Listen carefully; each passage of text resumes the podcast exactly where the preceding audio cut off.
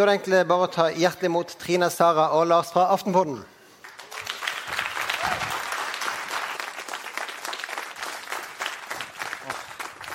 Skal vi se Det var så utrolig deilig å høre litt uh, applaus. Ja, kom igjen, dere kan heie på oss, Eh, liksom.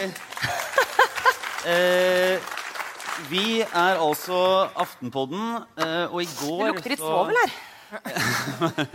I går så satt vi og eh, deltok på disse utdelingene av medieprisene. Og det er en øvelse i sånn motvillig applaus. Vi fikk ingenting. Vi ga veldig mye. Særlig du. Særlig jeg. Vær raus, Lars, tenkte jeg. Vær raus.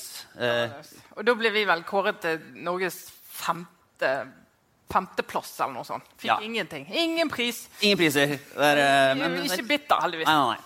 Men vi er et sted, kan berolige dere med at vi er et sted mellom den femte og tredje beste live-eventen i 2018. Så her eh, vet dere hva dere er up against. Ja. For det, var ikke, for det var ikke bare sånn at det var én vinner, og så kan vi si at vi vant nesten. Det var en sånn excellence også, så vi er best nummer tre. Så du har egentlig øvd, særlig du Lars, men oss alle, på å være til stede eh, på hendelser hvor vi har ambivalente følelser. Ja. Det har vel egentlig oppsummert de siste dagene, inkludert to semifinaler i Champions League. I tillegg til det vi akkurat har vært vitne til her. Ja. Eh, for vi skal ha en liten debrief av Steve Bannons eh, opptreden, eh, rolle. Eh, og derfor så har vi med oss fra Civita USA-ekspert og en av de som faktisk kan det. Eh, velkommen, Eirik Løkke. Stig på.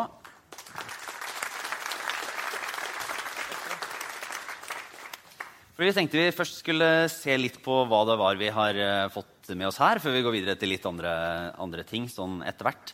Eh, Trine, kan ikke du bare, Hva tar du med deg fra Steve Bannons intervju her på scenen rett før vi gikk på? Nei, jeg merket jo før vi begynte at jeg var veldig spent uh, for å se hva dette ble.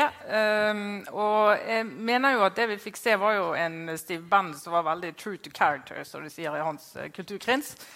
Eh, jovial, imøtekommende, villig til å svare på spørsmål tilsynelatende. Og de mest kritiske spørsmålene fendrer han bare unna. Og det er sånn som om det er bare en sånn, enten at de ikke er viktige, eller at det ikke, ikke fins, og i hvert fall ikke noe å bruke tid på. Eh, og, og fremstiller seg sjøl egentlig som en eh, ja, hva skal jeg si, en mer enn mer enn vanlig engasjert mediekritiker. Da, som bare vil at mediene skal bli bedre, og det skal han bidra til. Og at uh, han skal bidra til at, at vi snakker om og jobber med de rette tingene i mediene. som er En litt, sånn, Han sånn irriterende saker, liten figur som bare pusher litt på sin, uh, sin holdning. Ja. Sara, hva, eh, hva, hvordan, du, hvordan gikk han på en måte inn i dette? Nei, altså Han ble jo eh, presentert som, og eh, selv tok også rollen som medieaktør. og Det er jo naturlig siden dette er nordiske mediedager. Og han har jo da liksom, drevet fram dette nettstedet Breitbart. Som jo er hva skal vi kalle det? Altså, det er jo veldig tydelig Eirik, nå ser jeg på deg. Er det, er det riktig å si høyrepopulistisk? Hvilket begrep man skal bruke om det? Men tydelig kan vi si høyrevridd? Jeg vet ikke hvilket ord man skal liksom, for å beskrive det. Nei, altså du vil jo sikkert få protester uansett. Det er Jeg jo, det. Populisme er jo et notorisk vanskelig begrep å, å, å fange inn, men man kjenner det jo igjen når man ser det. og Jeg vil definitivt si at Breitbart passer inn. og Jeg tror ikke engang Steve Bannon ville benekta det. Nei, for det er hans eh, rolle der som en slags sånn, eh, jeg håper å si gründer av et nytt nettsted, det var jo det han snakket mye om i starten her i denne samtalen. Og eh, på en måte så tenkte jeg jøss. Eh, Tidligere i dag så hørte vi eh, en av de som var med å starte Axios, eh, snakke litt om hvordan de har jobba rundt å bygge opp nettstedet sitt sånn etter brukernes behov. tenkte jeg, ah, ok, Men det er ikke så annerledes enn det banden gjør. Bortsett fra at hans brukere har litt andre behov. da.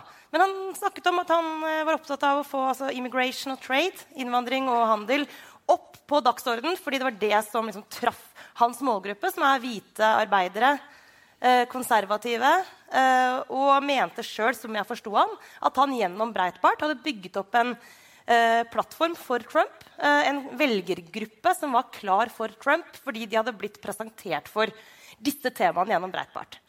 Hvordan vil du si, bare, hva, hva, for, for de som ikke hørte eller var, var helt inne på den altså Metoden eh, Kristina Pletten, vår kollega i Aftenposten, eh, hva, måtte, hvordan karakteriserer du intervjuet sånn i, som en setting? Hva var det hun gikk etter? eller hva var det, og dette her er, altså det er jo en klassisk eh, litt sånn, Det er et dilemma i journalistikken det der med hvilken liksom, stil man skal legge an når man møter et intervjuobjekt som utfordrer litt kan du si, eh, status quo. da, Konsensus.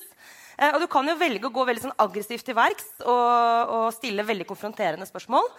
Eh, eller du kan velge den mer åpne stilen, hvor du stiller spørsmål som er skapt for og ment for at intervjuobjektet selv skal dele, og, og hvor det skal bli tydelig hva han eller hun står for. Da. Og Christina Pleten valgte jo veldig egentlig den siste eh, metoden, eh, som gjorde at han snakka Altså han fikk jo på en måte sagt veldig mye. Eh, jeg ser at noen er kritiske allerede nå på sosiale medier for at ikke det var et mer konfronterende intervju. Eh, men på slutten der, når han begynte å liksom skulle stå frem litt mer som sånn politisk agitator, så endret jo denne samtalen veldig karakter. Fra et ganske sånn streit intervju til å bli mer sånn folkemøte. Og jeg må si at jeg personlig foretrekker kanskje det første. da. I hvert fall når det er han. Hvordan tenker du, Erik, som har, har fulgt uh, banden og, og dette her ganske tett Uh, Var det noe man så i dag som var annerledes enn tidligere? Eller hvordan vil, måte, hvordan vil du se på han som, som fenomen og det han prøver å få fram her? Nei, Jeg er for så vidt enig med Trine at uh, han er jo veldig som true to, to character. Man har jo sett uh, noe av dette tidligere, men man har jo sett altså, som forberedelse til møtet altså, så jeg jo om igjen hans opptreden på Oxford Union, intervjuene med Financial Times. og The Economist, Uh, og iallfall de to siste var enda mer litt konfronterende enn det vi, vi så nå.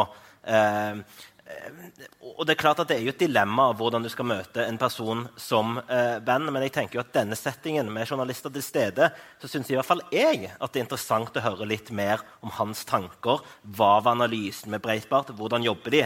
Eh, uten at man av den grunn i hvert fall ikke blir jeg så veldig mye mer positivt innstilt til prosjektet. Snarere tvert imot. Jeg har både i Aftenposten og, og andre plattformer kritisert hans politiske prosjekt veldig nøye. Men med tanke av, altså Du nevnte jo USA-ekspert der. det var jo mange av oss såkalte eksperter som tok grundig feil, som jo også bandet morer seg litt med.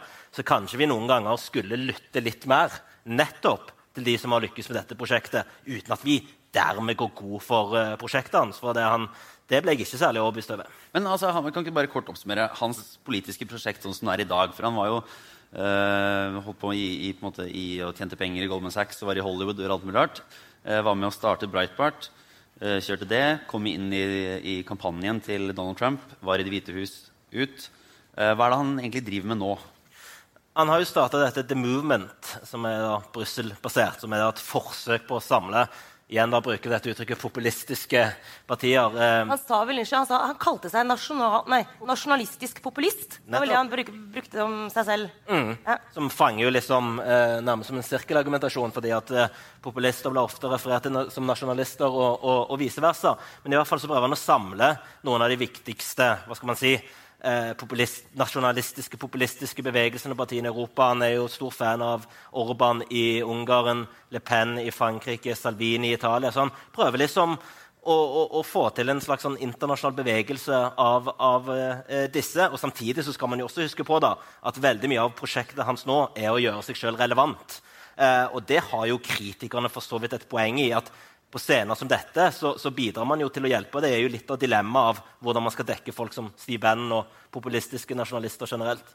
Vi må bare, uh, for- Før vi går inn i historie, så må vi gå litt i små. fordi han er, eh, han er jo et syn. Altså, Det ser ut som han kommer ut av en Land Rover eller noe. Sånn der, kledd seg i dere kakibuksene og litt sånne vintersko. Ja, veldig sånn, sånn fjellskostil. jakka.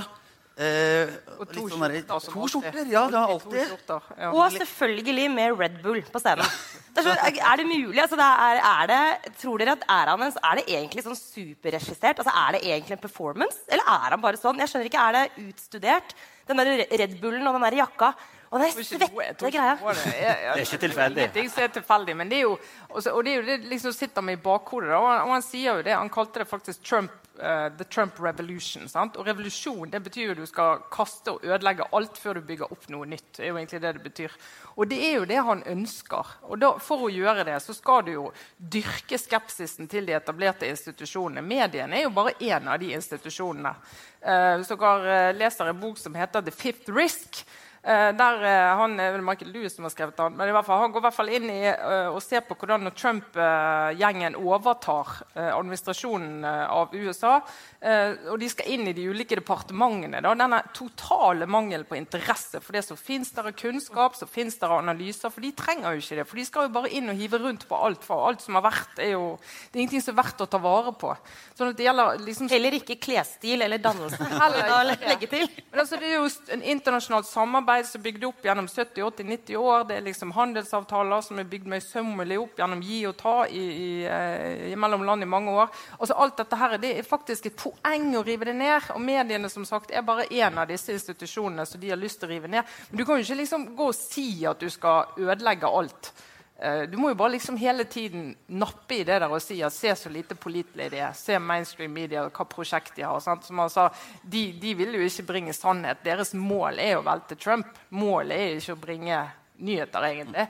Eh, Men, samtidig det så er jo. Ben veldig tydelig på at han vil dekonstruere the administrative state. Jeg tror til og med han brukte det begrepet her under scenen. Så han er jo tydelig på sitt prosjekt. Da, og det henviser jo, eller det resonnerer jo blant veldig mange velgere i USA som har betydelig mindre tillit til eh, institusjonene enn hva vi er vant med i eh, Norge. Og, og det tror jeg også man skal se litt av den klesstilen, eller hele stilen hans egentlig. Eh, han hater jo å bli kalt elite, selv om han eh, passer jo perfekt til eh, rollen som elite. Han har masse penger, han har makt, han har innflytelse, han har posisjon, han bor på femstjerners hoteller. Han må jo ha Land Rover. Det det er en elitebil. Ikke sant? Så, så klart at, eh, og, det, og det passer jo også veldig godt inn i tradisjonelt med disse, mange av disse populistiske lederne at nei, nei, vi er folket. Altså, hvis du skal oppsummere populisme med én setning, så er jo den ideen om at du representerer hele og det totale folket, mens alle de andre det er eliten. Og sånn sett så passer jo band veldig fint Altså, inn der. Og så er det jo det, for altså Kristina var jo inne på det i det intervjuet når hun eh, snakket om Breitbart og de sakene om eh, Black Lives Matter og kommentarfeltet. Der det jo er rasisme. Du skal jo bare bruke 30 sekunder en gang før du finner det. Eh, mens han på en måte ja, nei, men vi, vi prøver å luke ut det og liksom eh, skal gi inntrykk av at de har en veldig sånn ryddig, ryddig holdning til det. Men så vet vi jo også at metoden til denne typen populister det er jo akkurat fiske litt i disse her eh, fordommene og mobilisere en del av de folkene som sier at nå, nå har vi noen politikere som faktisk kan få, få ryddet litt opp i alt dette sølet som renner inn over landegrensene, uten heller å si det liksom så direkte. Så han bruker liksom andre kanaler og andre folk til å få det sagt, og det mobiliserer velgere som ikke har stemt før. Men jeg hører nå da, for Han snakker jo om, eh, om media altså som, ja, som the opposition party og liksom skal bryte ned og holde på ting. Og eh, Argumentet til Snorre Valen blant annet, som vi hadde på livepodkast i Trondheim, er jo at uh, Steve Bannon ønsker å ødelegge systemet. Og vi sitter der som naive idioter, og så ser vi også spennende at vi ødelegger systemet. Fortell litt mer om det. Og så, eh, og så ser vi ikke at det er det som skjer. Og, og han kan sitte og liksom Ja, ja, helt vanlig, normalt. Jeg bare la, driver en liten, eh, et lite nyhetsnettsted, og ja, det, det står litt rare ting i kommentarfeltene, men det, det passer vi jo på, og ytringsfrihet og bla, bla. Og så dri, altså, driver det egentlig på noe større? Lar vi oss liksom, lure av dette her, eller er han en fiende av oss? Altså, Hvis vi lar oss lure, så skjønner vi jo ikke det. Så, da, så, så svaret er jo nei. Men uh, Andre får dømme om det er riktig eller ikke. Men akkurat den metoden som Christina Pletten brukte her, jeg synes jo det får frem liksom, svakheten også ved hans retorikk. da. Legg merke, husker det, altså Når hun spurte han om presseetikk, kom det ganske tydelig frem at han kaller seg redaktør eller har tidligere redaktør. og og er her som en medieaktør, men, men helt åpenbart opererer på en helt annen banehalvdel enn etablerte medier. Også fordi når hun spurte hva, hva er ditt forhold til presseetikk, så var han sånn Jeg skjønner ikke hva du mener. Hæ? det? Det må du forklare litt. Ikke sant? Og det viser jo at han, hans logikk er en helt annen, og det mener jeg kommer tydelig frem i en sånn samtale som det. Og det, Det er jo en redaktør som sier hver dag leste jeg saker sammen med advokaten vår. Det ikke da. ja, da burde det ringe en bjelle, liksom. Liksom et annet sted enn i presseetikken. Ja. Eh, men eh, vi tror vi går eh, delvis videre fra denne lille biten. Og så takker vi deg, Erik, for at du var med. Og så får vi inn det som kanskje vil sies å være den store, stygge ulven i, i Steve Bannons verdensbilde, da, hvis man skal tenke de etablerte mediene. Velkommen, Gard Steiro, redaktør i VG. Du vet, eh, Gard, vi, vi, fikk jo mediedagene med oss på å invitere altså en foredragsholder eller en gjest før deg som bare er marginalt mer upopulær enn du, uh, du har vært siden jul. Så det var en fin kontrast. Veldig deilig å se, kanskje. Jo, hyggelig å være her. er det nå vi skal ha en intervjurunden, eller samtalen som er sånn Kan vi virkelig snakke med Gard Steiro? Er det riktig å gi han en scene? Sånn. Altså, jeg får eh, knapt gå på nachspiel, så jeg er bare glad for at dette skjer i fullt eh, flomlys. Og at, eh, at det er Det mulig. er sant. det er sant. Jeg hadde rent glemt at dere egentlig ikke har lov å gå på byen med meg, men jeg syns jeg så deg i går. Det, eh, jeg er en tilhenger av eh, Samrøre. samrøre og sivil ulydighet. Ligger- Det ligger i enhver journalists natur å gjøre litt opprør mot autoritetene. Ja, men eh, bare egentlig først, du som representerer på en måte Og, og deg da, Trine. Ja, de eh, store eh, etablerte mediene og makta som Steve Bannon tenker at skal utfordres og fraristes litt av den makta. Hva tenker du når du har sett den her? Det var to, eh, altså jeg syns det var eh, interessant. Eh, Og så var det et par ting som slo meg da jeg så det. En som jeg begynner å tenke mye på, det er altså det han, som han sier, der han liksom mener at bevegelsen løfter opp en del problemstillinger som eliten ikke ser. Og det tror jeg, altså Du kan være enig eller uenig med men du må i hvert fall reflektere over det der vi sitter. Er det, liksom, er det problemer og utfordringer i samfunnet som vi rett og slett er blinde for og ikke ser? For det er jo farlig hvis vi hvis de ikke oppdager. Og så var det en ting som tenkte jeg som er problemet til amerikanske journalister. Det var en del av intervjuet der Petten spurte han om eh, altså konfronterte han med det at han og Trump hadde kalt eh, pressen for 'enemy of the people'. Og da bare sier han at det, det er ikke riktig. Ja. Det, var, vi kalte, det var fake news vi kalte 'enemy of the people'. Og så vidt jeg vet, Det er jo beviselig feil. sant? Altså han, eh, jeg tror Trump har tweetet det veldig mange ganger, og det kan bevises og dokumenteres at han har kalt pressen 'enemy of the people' flere ganger. Men det blir bare servert. sant? Og Pletten gikk jo ikke videre på det, men det viser noe av problemet med å intervjue Ben. At han kan si det og Ja, unna og gå videre med det. Ja, så Det er bare et alternativ fakta. Det viser noe problem med et sånt intervju når forholdet til fakta blir eh, som Og det blir. utrolig vanskelig, og det er jo veldig krevende å liksom ta altså Et eller annet med spillereglene. Eh, en av de spillereglene vi baserer veldig mye av journalistikken vår på, er jo at når folk gir et svar, så er det sjelden at det er liksom ren løgn. Altså, Bevisst jeg, jeg, ren jeg, løgn. jeg, skal jeg være forsiktig og kalle dette løgner, men i hvert fall uriktig. Du vil si ikke at det var det, men altså hele tanken på at den personen som gir deg et svar altså At det er mulig at vedkommende ljuger helt bevisst. da. Det er, liksom, det, det, er, ah, det er ikke så ofte i intervjusituasjoner at du sitter med den typen eh, oppgave. At du hele tiden må tenke er dette, kan dette være løgn. Det er krevende. det har jo vært uh, utfordringen i hele sånn journalistikken mot Trump-administrasjonen. At det serveres en helt altså beviselig usannhet. Og når du påpeker det, så preller det bare av. Det, det får ikke noe eh, effekt. da. Men eh, sånn eh, tenker vi at dette var det, Var det verdt det? Er det hvordan, hva er det som med dommen i etterkant? Det hadde vært mye debatt om, vi, om, han, om han skulle burde kunne være her, om opplegget. Eh, var det noe dere som, som kom som gjør at du tenker Nei, det her burde du faktisk ikke gjort. Du kom jo ut med en sånn der, litt sånn grøssen følelse, Sara. Var det, Ja. Jeg hadde en grøssen følelse, ja. Ja. Det hadde jeg. Nei, men eh, nei, jeg, det var ingenting her som gjør at jeg tenker at det var feil at han satt på denne scenen. Eh, jeg er litt usikker på hvor interessant han faktisk er. Det, det jeg, altså Hvor sentral han faktisk er nå. altså De greiene han holder på med, er han Og det kanskje henger litt igjen som Det er fortsatt like uklart for meg, egentlig, da, eh, etter dette intervjuet. Det er liksom hans prosjekt nå. Eh, men jeg synes det er relevant å høre for eksempel, hvordan han bygget opp Breitbart, og hvordan Breitbart har blitt en politisk kraft i USA. Det mener jeg er veldig relevant, og der er det veldig nyttig å høre også hans eh, liksom, tanker. Eh, men det er litt mer uklart for meg. akkurat Han sa jo blant annet at han, liksom, ja, støtter, han nevnte flere partier han støtter, bl.a. Alternativ for Deutschland, som eh, jeg tror han skal ned og besøke nå etter at han har vært her. Eh, det blir litt mer Det er liksom, det er litt sånn ubehagelig at han ikke blir utfordret mer på. akkurat den biten av hans virke. Men, men der er han dro en sånn um, eh, De jobber seg ut av problemene-håndtering. Sånn, ja, det kan godt hende at flere av disse partiene har et måte, ufint utspring, men uh, nå Det går mye bedre. Det går mye bedre, ja. Hvis du skal, altså det er jo en bevegelse sant, som har innflytelse og har uh, makt, og han er en, en, eh, viktig spiller i det. For journalister og de som jobber i pressen, så er det jo når du skal dekke dette og skrive om det senere og analysere det, så er det jo viktig å forstå det. Så for meg hadde dette verdi. Ja, da, og det, og det synes jeg også er det jo altså, en del som mener at eh, Hva er vitsen med å høre han si dette? Du kan jo bare gå på YouTube, så ser du han sier det der òg. Han har sagt det i andre intervjuer. Men på en måte, hvis det er en holdning vi skal ha til kilder generelt, så, så må vi gå med AFP hele gjengen. Det er mange av de vi snakker med hver dag, som har sagt ting før. I aller høyeste grad, ja. Det er jo bare å følge hvilken som helst politiker i pressekonferanseuke.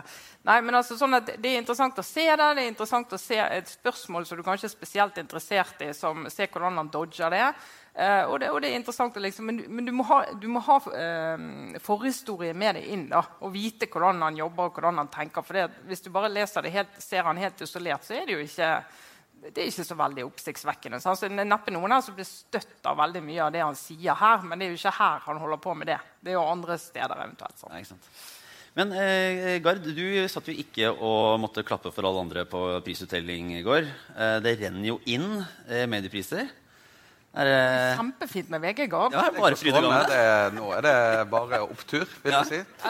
Det går bra. Men uh, ja. Det har, det har jo ikke vært en, eh, må jo, det har ikke vært en helt en, en, eh, en sånn eh, rettlinja veien gjennom eh, VG-våren. Så jeg lurte på, sånn, Hvis du skulle karakterisere deg selv som sånn, en emoji som fanger opp situasjonen i VG akkurat nå Har du det der store fjeset for, eh, med sånn kjempesmil for, eh, for å ha vunnet den store journalistprisen, Scoop-diplom, Årets nyhetsnettsted og årets 2018. redaktør. Årets redaktør, Men alle disse prisene er for fjoråret.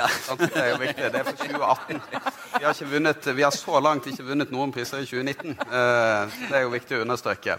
Eh, Nei, jeg er så dårlig på sånne emojis. Jeg, eh, jeg men Ja, det, er liksom, men det, det føles litt sånn flatt, egentlig, hvis det finnes sånn veldig flattrykt emoji. Men sånn det er jo en med sånn rett strek. En Ja. munn som bare er en rett strek. en passiv-aggressiv emoji? Ja, jeg, Er det det det er? Ja, Jeg vet ikke. Nei, Jeg er veldig dårlig på dette. Vi har prøvd det i VG med sånne emojis, så vi får bare kjeft for det. Vi bommer Ja. hele tiden. Vi har, jeg kan det ikke.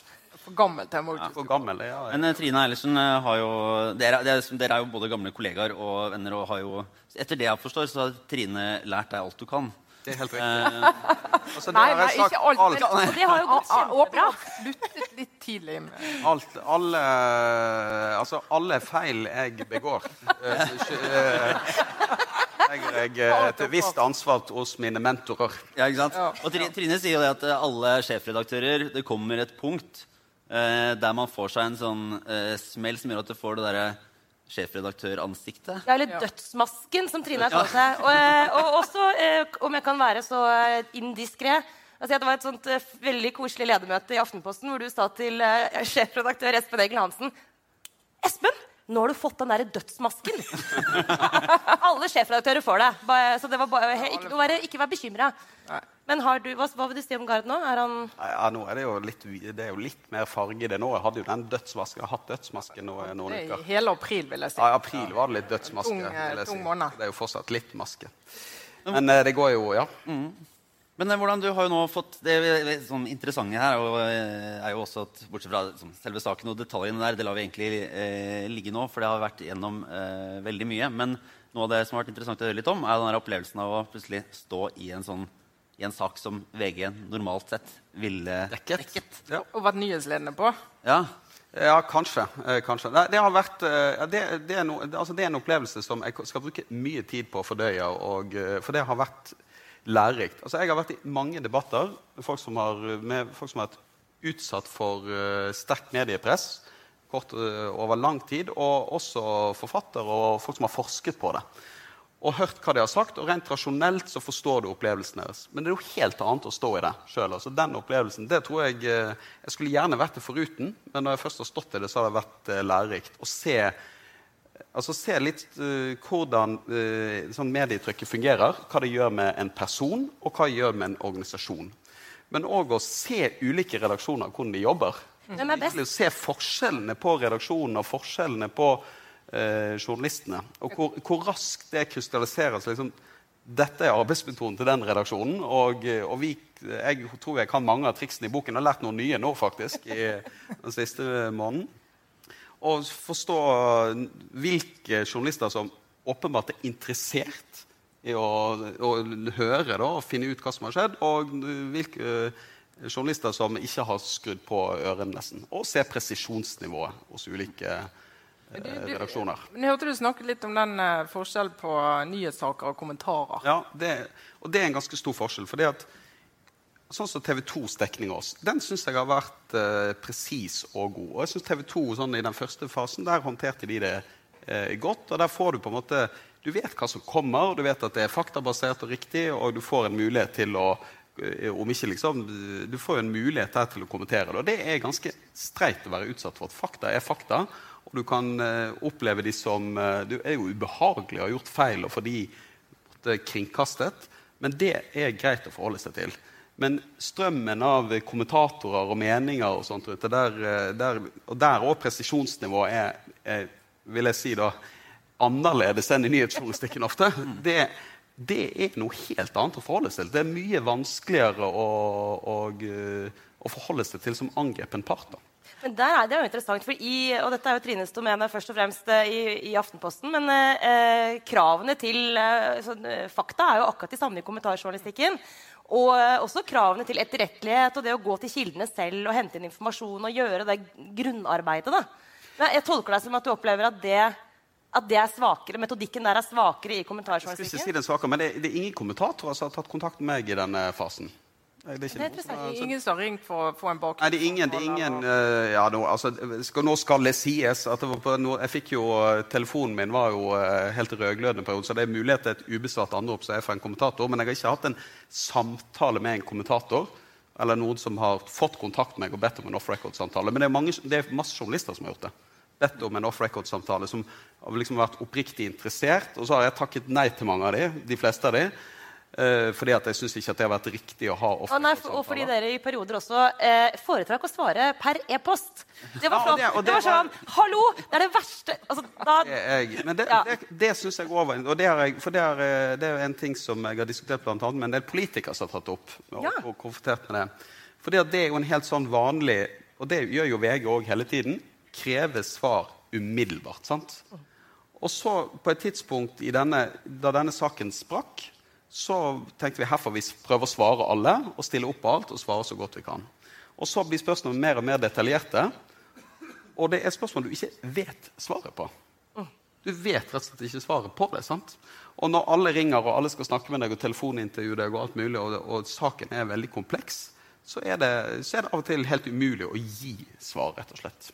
Men det, og det er en eh, erkjennelse som veldig mange der ute har hatt fordi de har blitt dekket av VG. Og så har de sagt det til dere, men dette kan vi ikke svare på nå. Og så har VG da sagt Ja, men så er det sånn, det, og det jeg har det- sagt det et par- det, rimelig ut. Ja, det høres rimelig ut. Men, men det jeg har sagt jeg har sagt to ting om det. For det første, jeg registrerte at jeg fikk en femmer i krisehåndtering fra konsernsjefen. Det, det, det satte jeg pris på. Så jeg har, jeg har sjøl vurdert den. Og hvis VG skulle vurdert krisehåndteringen i VG, så ville vi slaktet den. Vi ville vært veldig kritiske til den.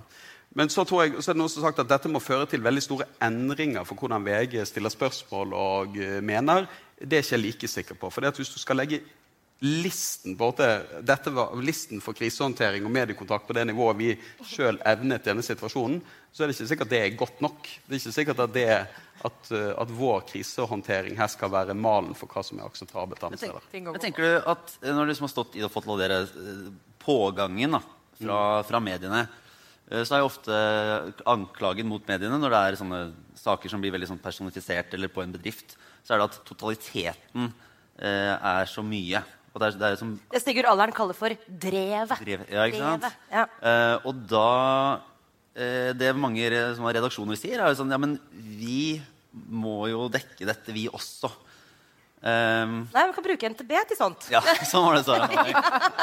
Ja, men jeg tenker at, tenker at er, det, sånn- er det nærmere nå å skulle si Nei, vi skriver ikke den ekstra kommentaren. Vi, uh, vi venter. Altså VG er er jo på en måte med ære kjent for å være sånn tidlig ute med å kommentere. Du skal, du skal får en, eh, en kommentar på eh, VG-nett uh, relativt kjapt.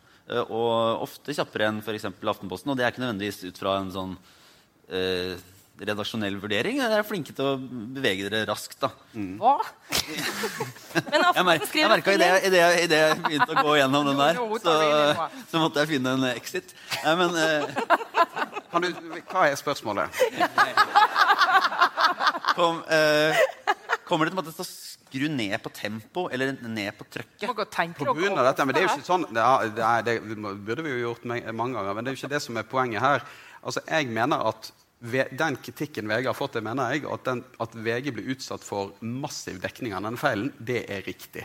Det er, og det er, helt, det er bra, det er nødvendig. Altså, vi har masse makt og innflytelse, og det skulle bare mangle at det drives kritisk journalistikk på oss. Så jeg er ikke så kritisk til det. De første kommentarene som kom, synes jeg var altså Det er jo ikke sånn at jeg sier at det var, dette var ikke, her skulle ikke kommentatorer mene om det ikke skulle være debatt om det. Selvfølgelig skulle det være det. Min refleksjon når jeg snakker om dette, er mer liksom litt forskjellen og se det fra den andre siden. Da blir du oppmerksom på blir du mer oppmerksom på hvordan ulike redaksjoner jobber. Og du ser også kanskje at øh, og For meg er det sånn å liksom mene og konkludere ut fra dette når vi har, akkurat når vi har stått i det, tror jeg er litt tidlig. Tror vi må bruke litt tid på å fordøye det. Men det var jo ikke tempoet i startfasen som var problemet. øh, altså Det reagerte jeg egentlig ikke på. Jeg synes at De første dagene så var journalistikken mot VG faktabasert og greit. egentlig. Ja, og så er det jo i en sånn sak eh, altså, nå, Jeg sier ikke det nå for å være sånn rub it in, men dere hadde jo en dårlig sak. Og da gjør det så veldig mye vanskeligere å svare. Altså, det er jo noe med eh, eh, Jeg skjønner jo altså, Det som gjør det litt krevende å si at her var medietrykket for stort, det er at det hender jo også at medietrykket er for stort i saker Ja, hvor det er uforskyldte ikke ofre. Det har jeg ikke sagt. At, det har jeg ikke sagt at medietrykket var Nei, det har du ikke. Det er sant. det, så det har jeg, og det har jeg alle påstått. Jeg mener at det var helt rimelig at det ble dekket kritisk, og jeg mener at det var helt naturlig at de fleste mediene kalt, øh, kastet seg over det. Ja. Det er mer liksom den å stå på den andre siden og se hvordan folk gjør det, som er interessant. For dette er jo, og det er det jo mange som har sagt tidligere, at dette bør enhver journalist og redaktør egentlig oppleve å bli utsatt for kritisk journalistikk. Det er jeg ikke sikker på at alle trenger å oppleve. Eh, at jeg unner absolutt alle. Men jeg syns likevel at når jeg først har stått i det, så gir det jo meg en lærdom som er viktig å ta med videre. Ok, Du også, Trine.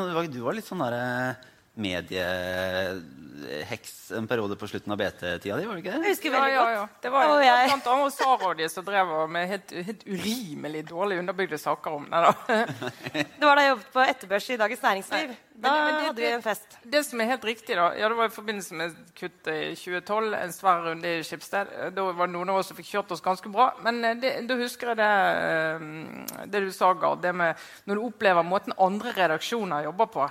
Og du møter journalister, og du ser liksom eh, presisjonsnivå, etterrettelighet, altså hvem du kan på en måte vet at du har ryddig forhold til, og hvem som bare er helt uredelig. Da får du det mange, ganske mange illusjoner som forsvinner når du er blitt uh, utsatt for journalistikk sjøl.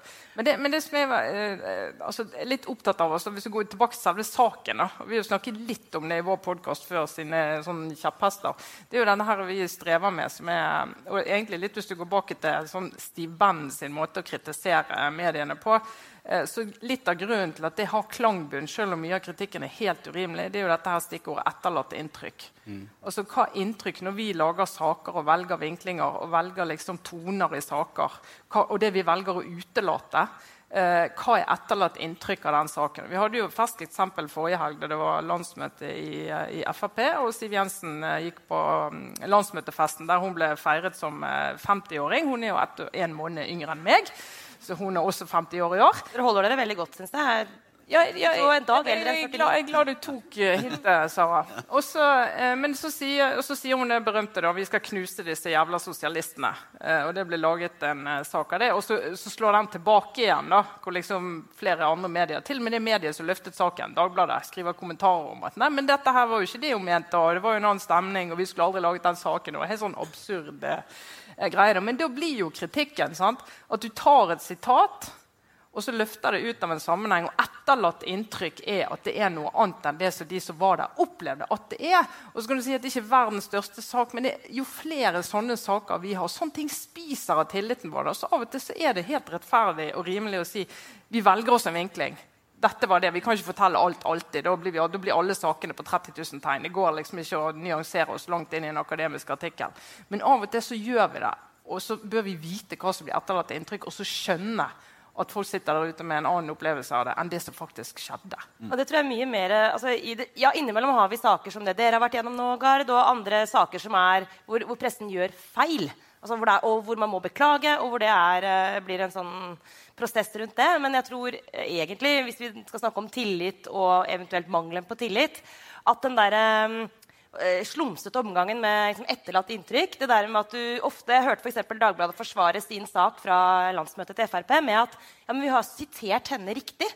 Og det har de jo. Eh, og så da er det liksom, Vi har ikke gjort noe feil. Folk kan lese sjøl. Vi, vi bare sa det hun, vi bare skrev det hun sa. og det- og det så er det sånn, liksom, det er mot bedre vitende, kan det virke som. da. Altså, nå vet ikke jeg hva som foregikk på innsiden der, Men det, det blir en følelse av at du vrir på virkeligheten, og så later du som du ikke gjør det. Men Det vittige var at det var akkurat det Steve Bannon sa da han ble eh, konfrontert med det her i stedet. Det var hører nesten en helt vanlig redaktør si nei, vi tar, ja, finn, vis meg faktafeilene. Vi har ikke faktafeil. Har ikke måttet Det trekke en eneste sak. Nei, men likevel. sant? Og det Ja, men du har rett i det. Nå skal det jo sies om, om den saken. Jeg, eh, jeg leste ikke den første Dagbladet-saken, men jeg så jo veldig raskt at Arne Politik kastet på. Så her er det jo at det blir en stor sak, bidrar jo en del politikere til. altså Knut Arild Hareide er jo ute på Facebook kun kort tid etter. Ja, Men det er jo basert er på Det er Dagbladets sak. da. det er godt mulig det er basert, men det, jeg tror det er jo der saken òg får altså Det lempes bensin på det bålet. Trettebergstuen, han er ute. sant? Og da Ja, og da blir det litt sånn som, eh, som den eh, saken, deres dansesaken. At ja, men det ligger jo et varsel i Arbeiderpartiet. Ja, da jeg- er det jo en sak. Jeg er, jeg er enig i den. Jeg er enig i den. Så jeg bare at dette er jo også, altså Hvis du skal ha den diskusjonen om, om presse og journalistikk, her, så må du jo også ha en dis de politikerne som er ute og kritiserer pressen, må jo også da spørre seg sjøl var det riktig på det tidspunktet å gå ut og mene så sterkt om det. Jo, men da er du, ikke sant, Hvis du da skal se dette her, litt sånn inspirert av han fyren vi akkurat har hatt på scenen her, og de eh, alternative mediekanalene som dukker opp på siden av oss, da, MSM, eller hva det heter, eh, så tror jeg vi må liksom ta på alvor at det er ikke hver enkelt av de sakene som er problemet i seg selv, men summen av det. Og ikke bare heller hva media gjør, men nettopp også det svaret som kommer fra eh, politisk hold, og den dialogen mellom mediene og politikerne. Hvis den blir liksom bare sånn, eh, sånn fram og tilbake pingpong, basert på egentlig bare eh, liksom, eh, vind, luft, ingenting, er det da er det jo liksom, da er det litt selvforskyldt at vi mister litt den derre det gode, gamle grepet på folk som vi Ja. hadde før. Det er jo klassisk sånn uh, perfekt storm, da, sånne ting, fordi at politikerne vet altså Mediene skriver en ting som er sånn Det kommer til å være provoserende. Dette kommer folk til å reagere på. Uh, hun har sagt noe som uh, Eller tatt på seg et indianerkostyme. ja, ja, ja, men du har sagt noe som er, kan sies å være dumt. Da, eller du kan jo vurdere den som en sånn Uansett så er det kanskje ikke helt passende at finansministeren skal gå inn og måte, legge tonen der. Det, er, det får man jo diskutere og synes man vil. Men i redaksjonen så ser man at dette kommer til å provosere. Og så ser politikerne at dette kommer eh, til å bli likt og delt, og min reaksjon kommer til å eh, vise meg som et anstendig menneske som måte, står opp for en god dialog. Og så vil du kanskje få hyllest igjen i mediene som sier at det er bra at noen sier fra. Eller, så det er bare Sauser man det sammen, da. Og alt dette holder vi på med mens verden liksom går til helvete. Det er jo, ja. Ups, unnskyld, vi lovte egentlig at vi skulle ha sånn lystig avslutning. Ja, ja, ja, ja, ja. eh, nå, siden jeg, men det får dere levere, tror jeg. Gard, du er jo Du kan være litt morsom nå. Jeg, eh, jeg, det, det føler jeg er på sin plass eh, akkurat nå. Jeg har jo hatt den morsomste måneden i mitt liv, så det er jo, eh, Det var det så er jo. Nei, men jeg, eh, nei, jeg, eh, men eh, jeg, er det er jo gøy å få være. Jeg har aldri vært i Aftenpodden før, jeg. jeg har, så det var jo kjekt å få være. Måtte bli litt sånn det gjennomtenka før vi orket å ha deg her. Fordi Ja, eh, ja, nei, men jeg skjønte jo at jeg ville jo bli tatt inn når jeg var på mitt svakeste. Det, var jo sånn, det er jo sånn Aftenposten opererer ofte. Så jeg ville jo Jeg syns det var hyggelig. Men jeg, men jeg tenkte jo så, så at dere har jo jeg, Trine og jeg er jo Dette er jo egentlig litt sånn samrøre, da. Ja. Så, Jeg, ikke egentlig, så det jo- er det. Vi skal egentlig ikke være i samme rom og snakke sammen. Men Trine har jo vært sjefen min i mange år. Jeg har jo alt å takke henne for, selvfølgelig. Jeg er jo sjefen din alltid. Ja, ja, så det, Vår relasjon er egentlig sånn- en pågående er medarbeidersamtale. Når dere var så krit... Ja, du ser jo, det har gått jækla bra. Ja, vi, måtte, vi måtte ha en aldri liten personalsamtale her i april. Ja, så det er bra. Men jeg tenkte på det at da dere kritiserte Steve Benn altså En av de tingene Trine hjalp med Og Trine var jo en veldig, som, som dere kan høre, hun er jo en veldig sånn varm leder. En Det er som- Julia har det med som, eh, Så det, de medarbeidersamtalene jeg har med Trine, det var eh, De er alltid hyggelige. Og etter jeg var på det TV-toppmøtet, da nå så er det jo fint å få tilbakemeldinger etter å I for- i en debatt på formiddag, ja. I formiddag, sant? Så det er jo en fersk, det er en medarbeidersamtale. Så kom det et par sånne kolleger bort til meg og sa «Å, så flink du var. og Det gikk så bra. og skjønner at det var tøft. og sånn. Og så kom Trine bort da. Så deg ikke, men hørte du var kjedelig.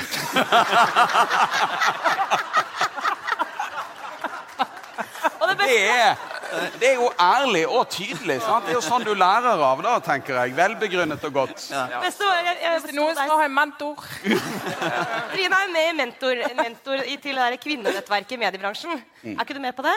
Nei, jeg er i Skipsted. Og i Skipsted, ja. Okay, fordi der er det litt annen tone. Nei, jeg, mener, jeg sto der når, det, når denne medarbeidersamtalen foregikk, og jeg, jeg er ganske sikker på at konsernsjef Kristin Skogen Lund også sto og hørte på. Nei, Ja, ja, ja, jo, jo, jo. Hun var borte og sa du var så flink. Ja, men hun ga, jeg har jo gitt meg terningkast fem. Så det var. Jeg syns det går bra med dere begge to, jeg, egentlig. Sånn i det store og det hele.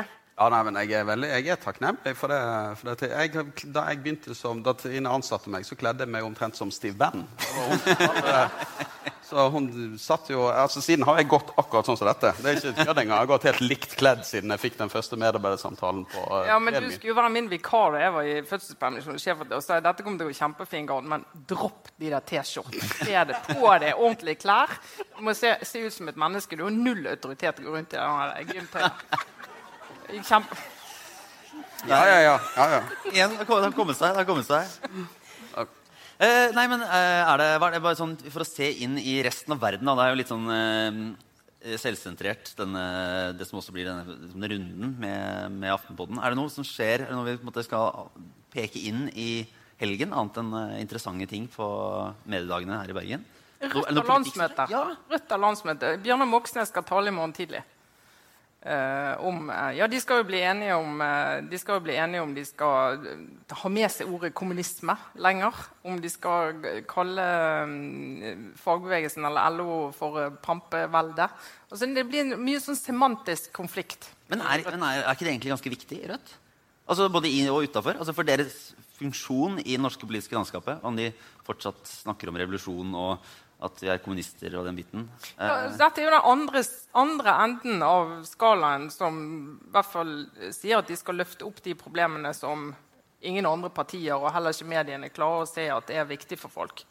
Eh, og det har de jo lykkes med uh, godt. Bjørnar Moxnes jobber jo helt kjempegodt på Stortinget som partileder. Han får jo ut, gjort utrolig mye. Uh, og velger seg noen, Det har, gjort, det har Rødt gjort i Oslo. velger seg noen saker som de skal jobbe for, og så bare avvise alle de her diskusjonene om eh, kommunister og eh, lett autoritære Hvis du skal se for deg hvordan vi skal komme til dette samfunnet, da, så de ser for seg, så må det jo skje en del ting som ikke tror er veldig hyggelig. Men eh, det, det, det klarer de å eh, dodge, og så snakke om eh, noen saker som velgerne De har veldig høy troverdighet på de sakene de velger å snakke om. De er flinke. Spørsmål bare om den der diskusjonen om Dere er kommunister, dere må innrømme det. Om den egentlig har noen effekt på altså, det, er, det er en veldig intern diskusjon. Jeg tror eh, egentlig, dessverre, at det ikke har noen effekt på de som stemmer på Rødt. Og det Snakker jo velgere som er født etter muren falt. Men eh, det var litt eh, politikk sånn på tampen, og da tror jeg at vi eh, takker for oss og for alle som er her. Og så Så drar vi på båttur. Så drar vi på båttur. Tusen takk for oss. Det var Aftenpodden.